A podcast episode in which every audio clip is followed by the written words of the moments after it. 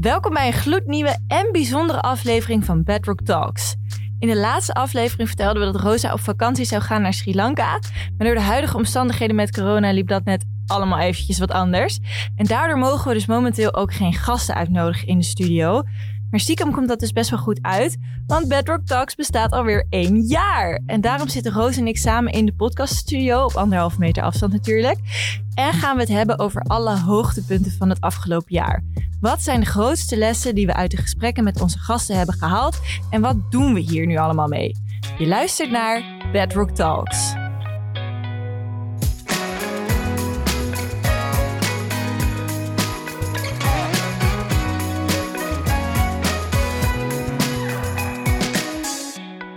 Ja, dat klopt. Dat liep echt even allemaal heel anders dan gedacht. Geen vakantie. eh, en heel veel andere vervelende dingen die er eh, nu helaas nog steeds gaande zijn. Maar er staan gelukkig ook een aantal hele mooie dingen tegenover. Ehm, zo is de luchtvervuiling in China inmiddels met 25% verbeterd. Is mijn FOMO als sneeuw voor de zon verdwenen. Ik weet niet hoe dat met jullie zit, maar ik heb er totaal geen last meer van. En ineens is er tijd voor bezinning. Om na te denken. En dat is eigenlijk ook de reden waarom we deze aflevering maken. Dus dat is eigenlijk een hele andere dan jullie van ons gewend zijn. Normaal schrijft Jur natuurlijk altijd een expert aan of iemand die eh, heel veel van één, van één onderwerp weet. Maar dat slaan we dit keer over. Want soms is het goed om gewoon even stil te staan bij wat je aan het doen bent. En even om je heen te kijken en eens goed te reflecteren. Want ja, uiteindelijk hebben Lies en ik in het afgelopen half jaar... we hebben wel elf hele toffe gasten hier te, eh, aan tafel gehad. Dus volgens mij is het hoog tijd om eens stil te staan bij de hoogtepunten. Want dat waren er best een aantal. Heel veel. Maar voordat we dat doen, in de vorige aflevering, Lies, toen had jij het over. eh, nou, we hadden het eigenlijk de hele aflevering natuurlijk over slaap. Dat was hartstikke interessant. En toen vertelde jij dat jij een heuse Fitbit zou gaan testen. Dat is nu een maand geleden. Ja. Hoe was dat? Ja, nou, ik moet wel zeggen, ik heb hem niet de hele maand eh omgehad. Ik ben hem vaak vergeten om te doen. Ik had hem dan overdag niet aan. En dan moet je hem s'avonds wel omdoen. En dat vergat je dan. Heel eerlijk, ligt het ook niet altijd even lekker? Zo'n ding om je pols. Ik vind sieraden al irritant, nou laat staan een horloge. Ehm, maar goed, de keren dat ik hem om had, heeft het me wel echt een paar inzichten gegeven. Ik slaap namelijk vaak best wel slecht. En heb ik het idee dat ik heel de nacht wakker lig. Maar ehm, door die Fitbit zag ik dat het eigenlijk hele kleine piekjes van nou ja, misschien 30 seconden of een minuutje waren. Eh, wat je dan het gevoel geeft als je slaapt dat je heel lang wakker ligt. Maar dat zijn eigenlijk alleen maar die korte piekjes van wakker liggen die je dan dus onthoudt. Dus Maakt dat, je dat jou dan echt rustiger ook als je het wakker gaf werd? mij van, wel oh ja. rust van dat ik soms het gevoel had van "Pff, ik heb de laatste twee uur echt niet geslapen. En dan zag ik, dat was dan wel lichte slaap die ik had. Maar zag ik, oh ja, het was niet niet slapen. Dus dat gaf mij wel het idee van nou er is in ieder geval iets van rust geweest, zeg maar. Ja. Dus dat was heel fijn. Ehm, maar ik ben niet de enige die dat ding mag gebruiken, want we mochten er ook eentje weggeven. En we hebben jullie toen gevraagd om ons te mailen met feedback. Want nou ja, we waren natuurlijk heel benieuwd wat jullie het afgelopen jaar van de podcast vonden. En we hebben heel wat fijne feedback mailtjes gekregen. Ik heb er maar een random name picker bij gepakt. En de gelukkige winnaar bleek, bam bam bam bam, Eline, gefeliciteerd. Jij krijgt van ons een mailtje en de Fitbit eh, komt zo snel mogelijk jouw kant op. Ja, gefeliciteerd Eline. Heel veel plezier ermee. Ehm, maar dan ben ik nu natuurlijk wel heel erg benieuwd. En ik denk de luisteraars ook wel, Lies, wat jij gehaald hebt uit al die gesprekken met die experts die we het afgelopen jaar hebben gevoerd. Wat is jouw top 5? Ja. ja, nou, allereerst vond het best wel moeilijk. Want eigenlijk heb ik uit elke podcast wel mijn lessen gepikt die voor mij op dat moment belangrijk waren. Maar goed, ik moest toch een top 5 eh, eruit persen. Dus dat heb ik gedaan. En ehm, op 5 eh, heb ik de podcast gezet over bewust reizen met Tessa aan de Steggen. Ehm, überhaupt vond ik dat een heel leuk ge- gesprek. Want Tessa praatte gewoon heel rustig en heel ehm, bedeesd over, over reizen. En wij wilden eigenlijk een podcast maken over duurzaam reizen. En Tessa zei gewoon, ja, dat is een contradictio in terminis. Dat bestaat niet. Je kan niet duurzaam reizen. Dus we hebben het over bewust reizen. En de les die ik daaruit trok... Tessa zei, ja, we vergeten vaak dat we te gast zijn in een land. En dat maakte me wel wakker. Want bewust reizen gaat dus eigenlijk over het feit... ehm, nou ja, dat je dus alert bent dat je niet ergens thuis hoort. Maar net als dat je bij iemand over de vloer komt, je bent daar te gast en niet in je eigen huis. Ehm, ze zei, ja, je moet niet denken, ik wil op vakantie. Ik moet nu zoveel mogelijk doen en alles uit mijn geld halen. Dat is in haar ogen niet een manier om te reizen. Dus wees je bewust van het feit dat je altijd een voetafdruk achterlaat. Hm. Laat want op plekken waar eh, toeristen komen, zwakt de lokale cultuur gewoon af.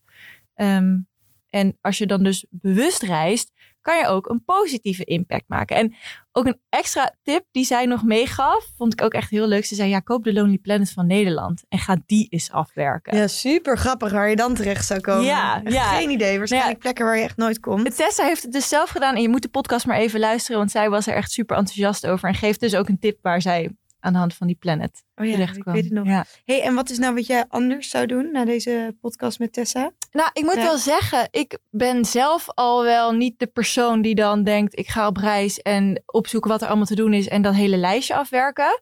Eh, dat is niet per se mijn doel op reizen, maar ik vond het wel heel interessant wat zij zei van, nou, ja, denk voordat je gaat ook eens na over hoe je dan een positieve impact kan maken. Dus als je ergens komt, hoe kan je die plek mooier achterlaten dan dat die was voordat jij daar kwam? En dat heeft me wel eh, aan het denken gezet. Ik ben nog niet op reis geweest, maar volgende reis eh, zal ik er wel een beetje met die mindset in staan. Ja, benieuwd. En dan nummer vier. Nummer vier. Ja, die ging eigenlijk. eh, dat was de podcast over stress met Thijs Launsbach. Hij is psycholoog en heeft zich helemaal ja, stress-expert gespecialiseerd in het onderwerp stress. Ehm, en eigenlijk ging dat over de invloed van stress op onze levens en hoe social media eh, en de druk van alle notificaties van al die apps, hoe dat stress eigenlijk verergert. En Thijs vertelde dat langdurig onderhevig zijn aan stress zo slecht is voor je lijf. Ook als je er geen burn-out van krijgt, is het hartstikke slecht. En als jij langdurig gewoon last hebt van stressklachten, kan je gewoon hartproblemen krijgen later. Maar het stomme is dat we het in deze maatschappij zo verdomde normaal vinden dat we altijd maar gestrest zijn en hierin rennen en daarin rennen en nooit weer even dat cortisolniveau even naar beneden halen. Ehm, alles moet maar perfect en top zijn. En eigenlijk zei Thijs toen, het is super normaal als je er even een weekje niet lekker in zit. Of als je een paar maanden op je werk gewoon geen idee hebt of je nog wel op je plek zit. Dat hoort erbij. Dat is gewoon normaal gewoon. om je af en toe even eruit te voelen. Precies, maar door social media en allerlei andere kanalen waarbij je input van mensen krijgt alsof het altijd maar geweldig moet zijn, hebben we het idee dat dat niet meer mag. Dat je je niet meer kut mag voelen. Nou, en ik vond dat eigenlijk gewoon super kalmerend om te horen Ja. op de een of andere manier. Thijs heeft sowieso heel veel leuke tips. Hij schrijft voor het AD, maar je kan hem ook in een podcast horen bij het Parool. Dus als je hier merkt dat je daar ook last van hebt, volg hem vooral. Het geldt natuurlijk voor al onze gasten. Eh, maar Thijs is, eh, die deelt super veel tips online. Dus eh, volg hem. Zeker, tip. Nou, en dan nummer drie. Dat was de podcast over relaties. Die de, hadden we gehouden met seksuologe en relatietherapeut Nienke Nijmaan. Ja, heel stiekem heb ik eh, eigenlijk wel twee dingen geleerd. Maar die hangen wel een beetje met elkaar samen. Dus ik vond dat het in eentje mocht. Sowieso een super interessante podcast. Ik was op dat moment nou, nog niet eens een jaar samen met mijn vriend. Ehm, dus het was ook eigenlijk allemaal best wel relevant en extra interessant, omdat ik het soort van direct kon toepassen. En mijn lievelingsding wat ik heb geleerd is nou ja, super, super cliché en super basic. Maar zij vertelde, ja, communicatie is echt gewoon key als jij een goede relatie wil. Als je, moet dingen uitpraten, je moet dingen bespreken, eh, verwachtingen uitspreken naar elkaar. Ehm, zo hadden we het in de podcast bijvoorbeeld. Roos en ik vroegen Nienke de eh, prangende vraag die we hadden: wat is vreemd gaan nou? En Nienke zei: ja, dat hangt echt gewoon volledig af van wat jij vindt en wat jullie met elkaar bespreken. Voor de een is dat misschien al flirten. En voor de ander is dat pas als je seks hebt met elkaar. Dat hangt gewoon af van jullie, wat jullie willen en vinden. Dus heb het daarover met elkaar. En Helemaal het begin van de relatie, zei ze. Ja. Zeg maar, Ja. Voordat je een soort van verkering krijgt op Ja. net. En dat je dan gewoon dat, dat je er niet later gezeik mee krijgt. Precies. Ja. Ja. ik vond dat echt wel heel interessant. Ehm, en daarbij, mijn tweede les die erbij samenhangt, is dat Nienke ook vertelde dat je echt niet altijd eerlijk hoeft te zijn in een relatie. Wij vroegen in onze dilemma, duurt eerlijkheid het langst? En Nienke zei, nou, nee, nee, je hoeft niet altijd open te zijn. Vraag je vooral bij jezelf af, vertel jij iets eh, vanwege je eigen gemoedsrust, omdat jij van je schuldgevoel af wilt komen wat je hebt, eh, omdat je wellicht iets gedaan hebt. Ehm, of vertel je het omdat je van de ander houdt en omdat je vindt dat je partner alles moet weten eh, en wil dat gewoon alles oké blijft in jullie relatie. Dus ze zei eigenlijk, ja, sta stil bij wat jouw informatie bij je partner teweeg brengt. En maak aan de hand daarvan de keuze om wel of niet eerlijk te zijn. Om dat moment. Soms zijn er gewoon dingen die je maar beter niet kunt vertellen. Ja. Ja, En niet hoeft te vertellen, wat is de toegevoegde waarde ervan? exact. Ja. Ja. en dat vond ik super, super interessant. Ehm, nummer twee. Ja, voor mij een super interessant onderwerp, omdat ik, eh, ik vertelde het net al, niet altijd een even goed nachtrust heb. Dat was de laatste podcast met slaapexpert Hans Hamburger over slapen en het belang daarvan.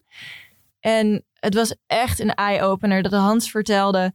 Je kan nog zo gezond eten, je kan nog zoveel sporten, je kan nog zo goed leven. Maar als jij slecht slaapt, heeft het eigenlijk allemaal niet zoveel zin. Alles wat jij doet om gezond te zijn. Hij zei, slaap is de allerbelangrijkste factor voor je gezondheid. En nou, Roos en ik zijn eigenlijk allebei wel van mening, volgens mij, dat slaap echt, slaap echt super onderschat wordt. Ehm, dus het was heel interessant dat Hans Hamburger dat nog even een soort van extra vertelde en dat extra belichtte voor ons. Ehm, en wat hij dus ook zei, is dat we als mens moeten uitzoeken of we een avond- of een ochtendmens zijn. Eh, want we leven nu gewoon in een maatschappij waarin het standaard is, ja, je moet om acht of negen op werk zijn. Maar als jij een avondmens bent en dus later in bed ligt, dan is voor jou om acht, om acht uur op je werk zijn eigenlijk helemaal, past dat niet in jouw ritme.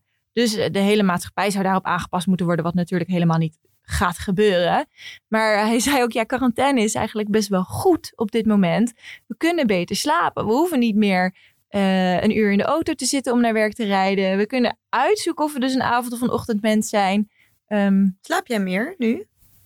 Of eh, nou, ik eh, denk het wel, ja. En ik probeer dus nu ook een beetje te kijken van... oké, wanneer word ik moe? Eh, wanneer word ik wakker? En ik ben voor mijn gevoel dus nu dus eigenlijk een ochtendmens. Ehm, was je al? Was ik al hoor, inderdaad. Dat denk ik ook wel. Maar ik ben toch blij dat ik dat even gewoon getest heb bij mezelf. En ik heb wel het idee dat ik, eh, ook als ik wakker word, dat ik relaxter wakker word. Meer met het idee van, oh, als ik nog een beetje moe ben, kan ik blijven liggen. Want ik kan ook later beginnen. Het maakt nu allemaal Nee. iets minder uit.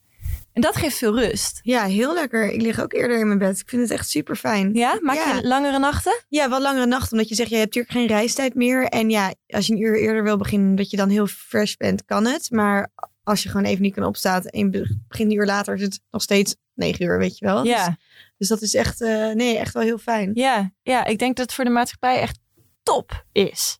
Dan jouw nummer één. Wat was je allergrootste les van het afgelopen jaar?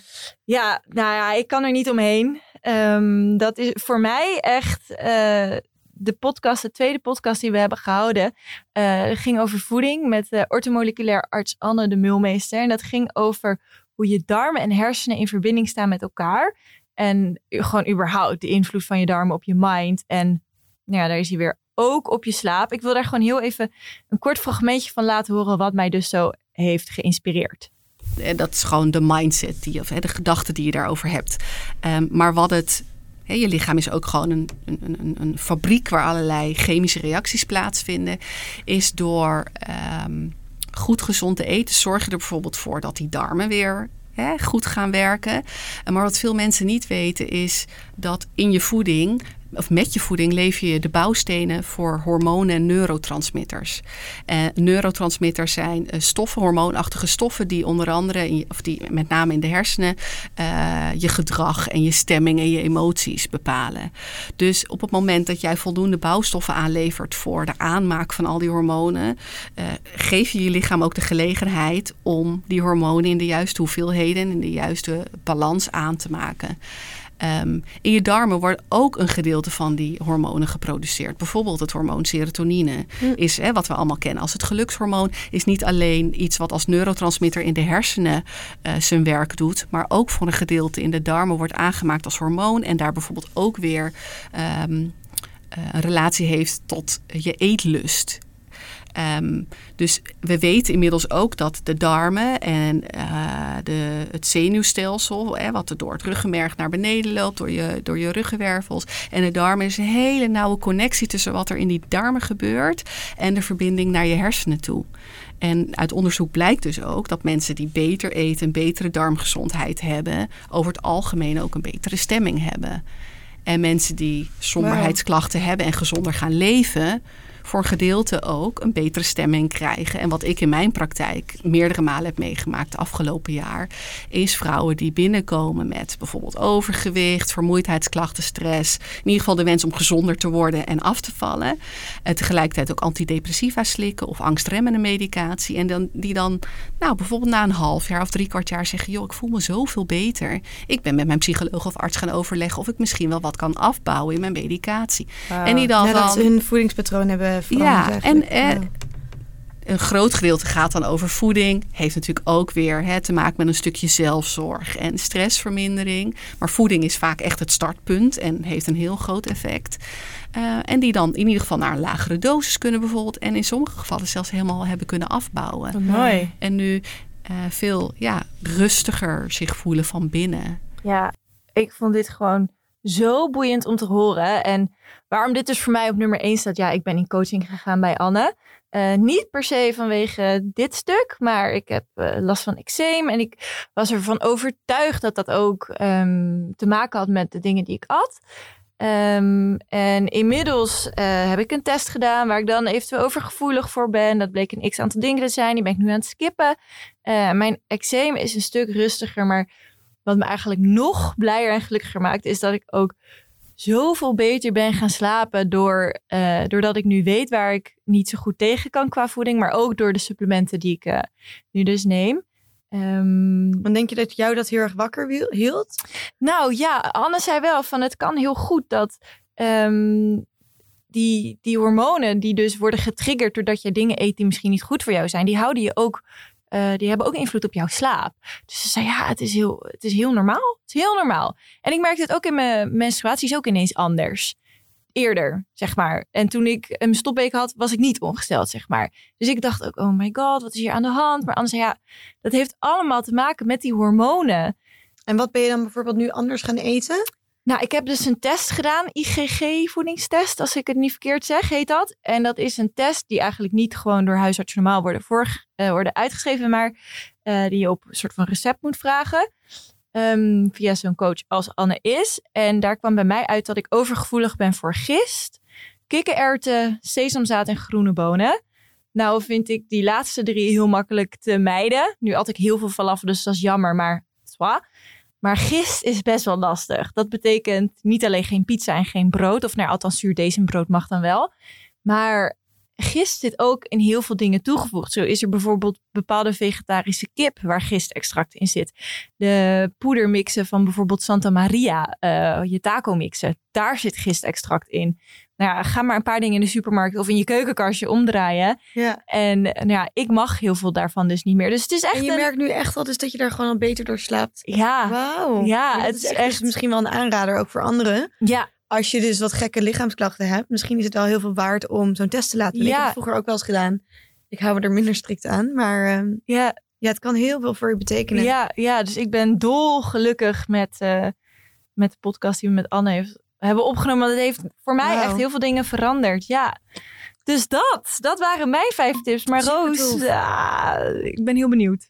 Wat zijn ze van jou? Yes, ik heb ook een lijstje gemaakt. Dat best wel grappig is. Lies en ik lijken erg op elkaar, maar zijn ook wel heel anders. Ik had vijf, ehm, ja, bijna vijf andere lessen uitgekozen. De, mijn, vijf, mijn, mijn nummer vijf is, eh, die komt, kwam wel overeen. Eh, die had jij namelijk ook uitgekozen. Dat was een, eh, Maar Ja. wel een andere les dan weer. een andere les. Maar- podcast, andere zelf- les. Klopt. Van seksuologe en relatietherapeut Nienke Nijman. En heel toevallig ook wel twee lessen. Maar goed, het is elke podcast sowieso is mega interessant. Eh, en er zitten dus veel lessen in. Dus ik moest wel echt eh, kieskeurig zijn. En kijken van oké, wat heeft het nou echt voor mij persoonlijk betekend? Nou, Nienke had mij wel best wel een beetje met de neus op de feiten gedrukt. Tenminste, is ook allemaal eh, subjectief gezien natuurlijk. Maar ik zat heel erg op mijn roze wolkje van... Oh ja, de ja, open relatie is heel erg the way to go. Ik, zeg maar, ik, ik had altijd heel erg het gevoel dat monogame relaties ja, iets zijn wat vroeger is bedacht. En dat we daar ons nu erg gaan vastklampen. En als je dan een keer een andere behoefte of een verlangen hebt, dat er niet naar geluisterd eh, mag worden. Of dat er niet over gesproken mag worden, want dat hoort niet. Dus ik zat een beetje in mijn rebelse fase van nee, dat, moet, dat moeten we allemaal niet meer doen. En we moeten allemaal open. Nou, niet moeten natuurlijk, maar ik vond het interessant om over te hebben in elk geval. Eh, maar wat zij zei, je moet ook de kracht van een monogame relatie niet onderschatten. Gewoon de, de, de één op één relatie die je met iemand hebt. En dat vond ik toen wel heel erg interessant. Want dat is natuurlijk in eerste instantie waarom je die relatie überhaupt aangaat. Ehm, dus dat vond ik weer heel erg interessant. En kijk, natuurlijk kan het nog steeds bespreekbaar zijn. Maar het doel hebben van een open relatie aan zich, dat, dat ging bij mij daarna wel een beetje weg. Van, oh ja, het was misschien meer een soort van, ja, het is een mooie gedachte. En ik vind nog steeds fijn dat het bespreekbaar is. Maar puntje bij paaltje, ehm, ja, is het misschien ook ergens misschien een beetje een soort van iets wat je gewoon deze tijd wat meer ziet. En het is fijn dat het bespreekbaar is, maar die, maar die kracht echt van met z'n tweetjes. Van één op één zijn. Ja, dat liet ze mij wel die in band? Ja, dus dat vond ik wel heel mooi. En ze had eigenlijk nog een les, best wel grappig, die best wel veel voor mij heeft gedaan. Zij zei dat je, want ik vroeg aan haar van ja, hoe moet je dat nou doen als je niet van daten houdt? Want dat heb ik dus. Dus dat deed ik eigenlijk ook nooit. Dus ja, je moet toch iemand soms maar een kans geven. Weet je, het kan best wel zijn dat iemand in het begin ook gewoon een beetje zenuwachtig is. Dus, ehm, En met dacht- succes. Ja, ik ben toen met twee, ik ben op zeg maar twee verschillende dates gegaan. Nou, eentje was echt verschrikkelijk. Toen dacht ik echt, nou, geef een keer iemand een kans. Nou, nu weet ik ook weer waarom ik het nooit meer doe. dat was echt heel erg. Maar goed, wel, ik was, vond het heel knap van mezelf dat ik het toch had gedaan. Ja, absoluut. En inderdaad nog een andere date ge- gehad. En die was heel erg leuk. En met diegene ben ik nog steeds aan het daten. Ja. Dus Nienke, dankjewel. toch weer iets overwonnen, een soort angst. Nou, dan stond op nummer vier bij mij. eh, ja, dat was ook een hele mooie podcast. Die, die ging over zelfliefde met Natja van Osh. En ja, ik vond het toch heel erg belangrijk om te benoemen. Want zelfliefde klinkt altijd zo super zoetsappig. En zo'n soort van verhaal voor meisjes met roze kamers. Die ik intussen zelf ook heb. Maar toch voel ik me niet zo'n soort meisje. Maar dat zelfliefde echt meer iets is wat voor iedereen is. Jong, oud, man, vrouw, alles ertussenin. Ehm, en dat het dus eigenlijk niet echt te maken heeft met dat zelfliefde. Waarvoor inderdaad misschien maar een soort van minder zoetsappig voor- woord voor moeten bedenken, denk ik soms. Ehm, maar dat het gewoon heel erg gaat om hoe jij in het leven staat. En welke uitdaging je wel of niet aangaat. Hoe je naar jezelf kijkt. En ik denk dat dat toch eigenlijk wel de basis is van alles. Want ja, weet je, het heeft misschien ook wel heel erg invloed op hoe je relaties aangaat. Of vriendschappen. Of welke keuze je wel of niet maakt met je werk. Of dat je gaat reizen of niet. Absoluut. Ben je nu liever voor jezelf geworden? Heb jij daar iets, ben je Mm, iets anders gaan doen aan de hand van die podcast? Ehm, dat is een goede vraag. Had ik op zich wel kunnen zien aankomen natuurlijk. maar ik weet het niet. Ik denk dat ik wel redelijk lief voor mezelf ben. Als in, ik sta wel dicht bij mezelf. Ik weet altijd wel goed wat ik wel of niet wilt, wil. Ehm, maar meer, ja... mm, Ik, ik weet niet of ik echt iets per se heb veranderd. Het staat bij mij altijd wel heel erg hoog aan mijn lijst. Het is gewoon iets wat bij mijn kernwaarden zit, denk ik. Dus dat er, maar wel, ehm, nou, ik, ik heb er wel heel vaak over gehad, ook met anderen, dat het gewoon iets is, ja, dat je zelf niet hoeft weg te cijferen, weet je wel. Het, is, het staat zo aan de basis voor alle keuzes die jij maakt in het leven. En ja, en daarmee maak je natuurlijk keuzes ook wel of niet. Gewoon veel makkelijker. Van oké, dit past wel bij mij en dit gewoon niet. En dat is oké. Absoluut. Ik Dus- heb die indruk ook wel van jou hoor. Dat je iemand bent die wel goed weet wat er bij je past. Waar je wel niet voor kiest. En eh, Ja. ik denk dat het van nature ook al wel in je zit. Yes. Score. maar als alsnog desalniettemin echt een, eh, nou, gewoon een relevante aflevering voor iedereen. ja. Dus ook als je nu denkt, il nee, wel eens. Ja. Oké, nummer drie. Dat was echt een super, super tof gesprek met Jammer Mommert. Hij is klimaatjournalist bij de correspondent. En echt mega tof dat hij hier naar de studio wilde komen. Dat was toevallig ook de derde podcastaflevering. Ehm, en zijn verhaal, hij had toen net zijn nieuwe boek uitgebracht. ehm, is dat er gewoon nog hoop is. Want hoe vaak hoor je niet, dat komt ook van onze hand, dat het gewoon slecht gaat met de wereld. Wat zo is. En die urgentie moeten we zeker creëren. Maar er is hoop. En we kunnen nog heel veel dingen veranderen. Want de geschiedenis is nog niet geschreven. En dat vond ik zo'n mooie boodschap. Hij kon er ook heel mooi over vertellen. Ehm, en wat ik eigenlijk nog wel interessanter vind, daar kon ik me heel erg in eh, herkennen. Hij zegt, je kan bepaalde dingen niet tegen elkaar afschrijven. Zeg maar niet, ik eet geen vlees, maar ik vlieg wel drie keer per jaar naar eh, Bali of weet ik veel waar je ook naartoe vliegt. Dat zijn niet van, echt maar alles maakt uiteindelijk impact. Dus of je nou, eh, ja, dan kan je wel geen vlees eten, maar als je dat vervolgens weer helemaal soort van naar de kloten helpt door superveel te vliegen of alleen maar bij H&M te shoppen, heeft dat geen zin. Dus hij zegt ook niet, je moet helemaal vegan zijn en niet meer vliegen en dingen. Maar wees je gewoon eigenlijk bewust van alle keuzes die je maakt. Dan gaat het eigenlijk allemaal een stuk makkelijker. ja, en schort overal een beetje op. Ja, Je hoeft niet per se meteen in één keer vegan te worden, maar wel de wereld om te vliegen. ja. Maar eet minder vlees, vlieg een keertje minder. ja dus Ja. echt gewoon heel erg erover na gaan denken. En, en misschien ook gewoon heel erg over in te lezen. En die aflevering eh, ja, inspireerde mij gewoon ontzettend. En dat is eigenlijk volgens mij de kwestie van dit moment na corona. nou ja, is ook nog maar een vraag trouwens, maar dat daar gelaten. Dus eh, zeker een hele bijzondere aflevering. Heel tof dat hij er wilde zijn. En wat dat betreft eigenlijk top dat corona kwam. Ben jij niet gaan vliegen? Ja, zeker. Want ik zou inderdaad op vakantie gaan. En ik ga nu... eh, ik zou naar, dus, eh, eerst naar Vietnam gaan, maar het werd Sri Lanka. En toen eh, werd het niet op vakantie. Dus nu ga ik lekker in Nederland op vakantie. Dus wat dat betreft past het dan weer heel goed bij wat ik belangrijk vind. Precies. Dus uh, Elk nadeel heeft zijn voordeel. Elk nadeel heeft zeker zijn voordeel. Op nummer twee. Ja, dat was onze allereerste podcastaflevering. Die eh, deden we met gelukspsycholoog Josje Smeet. En dat was zo'n leuke aflevering. Waren een beetje zenuwachtig, maar het was echt een super tof gesprek. En zij heeft echt nou, honderdduizend hele boeiende dingen verteld die samenhangen met geluk. Onder andere dat geluk voor een heel groot deel eh, genetisch bepaald is, maar ook hoe je daar wel invloed op kan hebben. En hetgeen wat me eigenlijk het meest bijbleef, was dat we ontzettend veel bezig zijn met sociaal vergelijken. Dus ook als je geen Instagram hebt, doe je dat onbewust ook. Want ja, je vrienden of je buurman of je buurvrouw die gaat op vakantie. En die denkt, ah, ik ga, weet ik veel, naar- die, naar dat land op vakantie. Ik heb die trekking gedaan. Dan denk je, oh kut, ik moet ook naar de Himalaya's. Ik moet ook die trekking doen. Dat kan natuurlijk, maar we zijn onbewust. En kijk, social media, die draagt er natuurlijk heel erg aan bij. En die maakt het een stuk erger. Heel erg bezig met wat anderen doen. En wat ik eh, nog wel het meest bizarre vond, is dat wij na die aflevering kregen wij een berichtje van een meisje.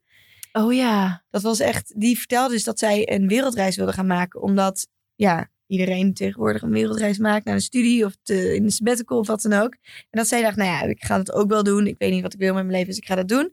Ehm, en na die aflevering dacht ze, maar wacht eens even, dit is mijn droom helemaal niet. Dit is gewoon wat andere mensen doen. En die heeft haar wereldreis gecanceld. Zo bijzonder. aflevering. Ik was dit alweer vergeten. Ja, echt heel bizar. Dus ja, het is denk ik soms wel goed om gewoon na te denken van... hé, hey, waarom doe je eigenlijk de dingen die je doet? En eh, wat zij eigenlijk ook adviseerde is maak een vijfjarenplan. Dat heb jij, heb jij wel gemaakt, toch? Nou, nee, ik moet zeggen, ik vind dat zo lastig. Ik, had, ik heb er heel veel over nagedacht. Ehm, en eh, ook echt met andere mensen over gehad van, heb jij dat? Weet jij dat, waar je heen wil? Ehm, maar ik denk dat ik het misschien ook echt iets te serieus nam. Volgens mij had je het wel over, ja, het kan heel globaal en weet gewoon waar je heen wil. Maar ik vind dat nog steeds heel eh, lastig. Want zij zei dat, doe dat omdat je dan een soort van richtlijn hebt om naartoe te werken. En dat geeft je in elk geval een bepaald gevoel van voldoening. In plaats van dat je gewoon maar je leven leidt en op een gegeven moment over drie jaar nadenkt van, wat ben ik eigenlijk aan het doen? Bijvoorbeeld zoals dat meisje die dan een wereldreis had gemaakt en uiteindelijk tot de conclusie komt dat ze weet ik veel wat willen doen. Ja, Ja, En ook al verandert dat eindpunt, zei Josje, dat maakt niet uit. Maar ehm, het gevoel dat je in elk geval zeg maar, ja, voldoening krijgt op wat je doet, door dat eindpunt te hebben, ja. dat tipte. Ja, ik heb dat uiteindelijk ook niet gedaan hoor. Want ja, ik merk toch dat ik dat plannen of dat uitstippelen niet heel erg bij mij past. Ik ben het wel op één jaar niveau gaan doen. Ik wil wel heel erg nadenken over wat ik doe en of dat bijdraagt aan mijn waarden en wat ik belangrijk vind. Eh, maar vijf jaar vond ik inderdaad iets te veel. Maar het was echt een super, super leuke aflevering. Dus luister, zeker terug. Ik ben benieuwd wat jullie eruit halen. Nummer 1, Roos. Ja, en bij mij op nummer één. Ja, dat kan ook eigenlijk niet anders. Heel voorspelbaar. Of iedereen hem eh, heeft gehoord. En anders ook zeker doen, net als de aflevering met Jan Geurt. Nou, dat is toch wel mijn eh, Nederlandse held op het gebied van spiritueel denken. En toen was ik echt super zenuwachtig. Jij ook, We denk allebei ik. wel. Toen zijn we in mijn busje naar de Veluwe gereden, naar zijn huis, om eh, ja, met hem in gesprek te gaan. En dat was echt super interessant. Ik heb er eh, een klein fragmentje over opgezocht, wat ik eh, heel erg bijzonder vond.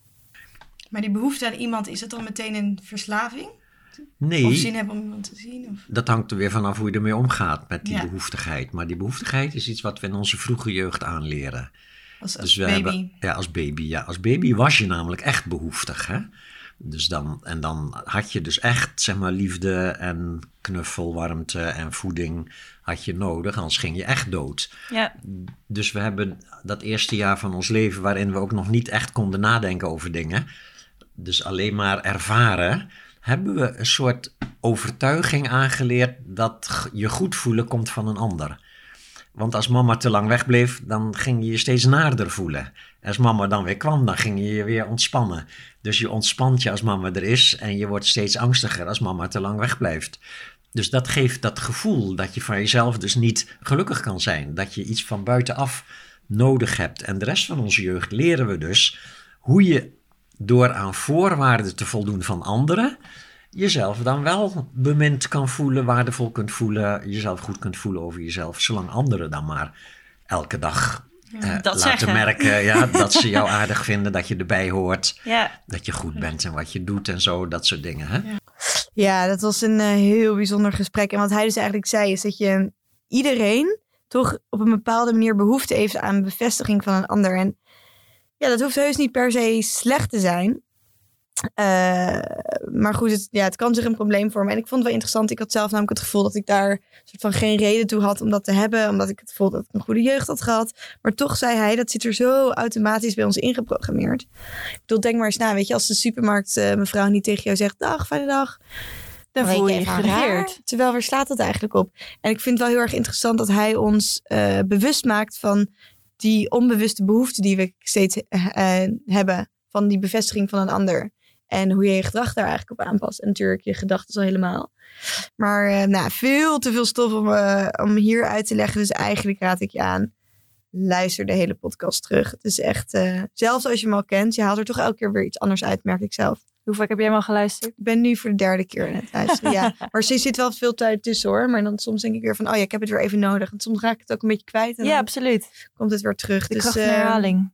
Jan, it is. Ja, oh, allemaal mooie lessen. En nou, ik moet wel zeggen, als ik dit allemaal zo terughoor, dan word ik echt gewoon weer helemaal gelukkig en dankbaar voor al die dingen die we, al die mensen die we me mogen Super spreken. hè? Echt heel vet. al die lessen die we daaruit hebben geleerd. Oh ja, echt te gek. Ehm, Ja, ik ben dan eigenlijk ook heel erg benieuwd. Ja. Eh, wij zijn we eigenlijk sowieso altijd heel erg benieuwd wat jullie ervan vinden. Maar wat, wel, welke lessen hebben jullie nou eigenlijk geleerd? En wat waren hoogtepuntjes voor jullie? Dat vinden we super leuk. We vinden het ook heel leuk om dat misschien later nog met jullie te delen op Instagram of in onze volgende podcast. Eh, nou, je weet ons altijd te vinden op Instagram. Je kan eh Bedrock Magazine intypen en dan ons dan een DM sturen. Eh, of je kan gewoon een mailtje sturen naar info.bedrock.nl. Ehm nou goed. volgende gast. Die ja, hebben we niet normaal kondigen we natuurlijk. natuurlijk een volgende gast aan. Dat is nu wat anders. Dus in een volgende eh, podcast gaan Lies en ik met elkaar in gesprek. Heel leuk. Ja, Maar wat zouden jullie graag willen horen? laat het ons weten. We zijn heel benieuwd wat jullie interessant vinden om van ons te weten. Eh, misschien willen jullie wel gewoon een leuk gesprek één op één tussen Roos en mij. Whatever, alles is mogelijk. Behalve een gast uitnodigen. Dus eh, ja, laat het weten. En dan staat er eind mei gewoon maar een podcast klaar. Nou, Bedankt voor het luisteren. ja, zorg goed voor jezelf. Stay safe, stay healthy, stay home. Nou, prachtig. Ciao.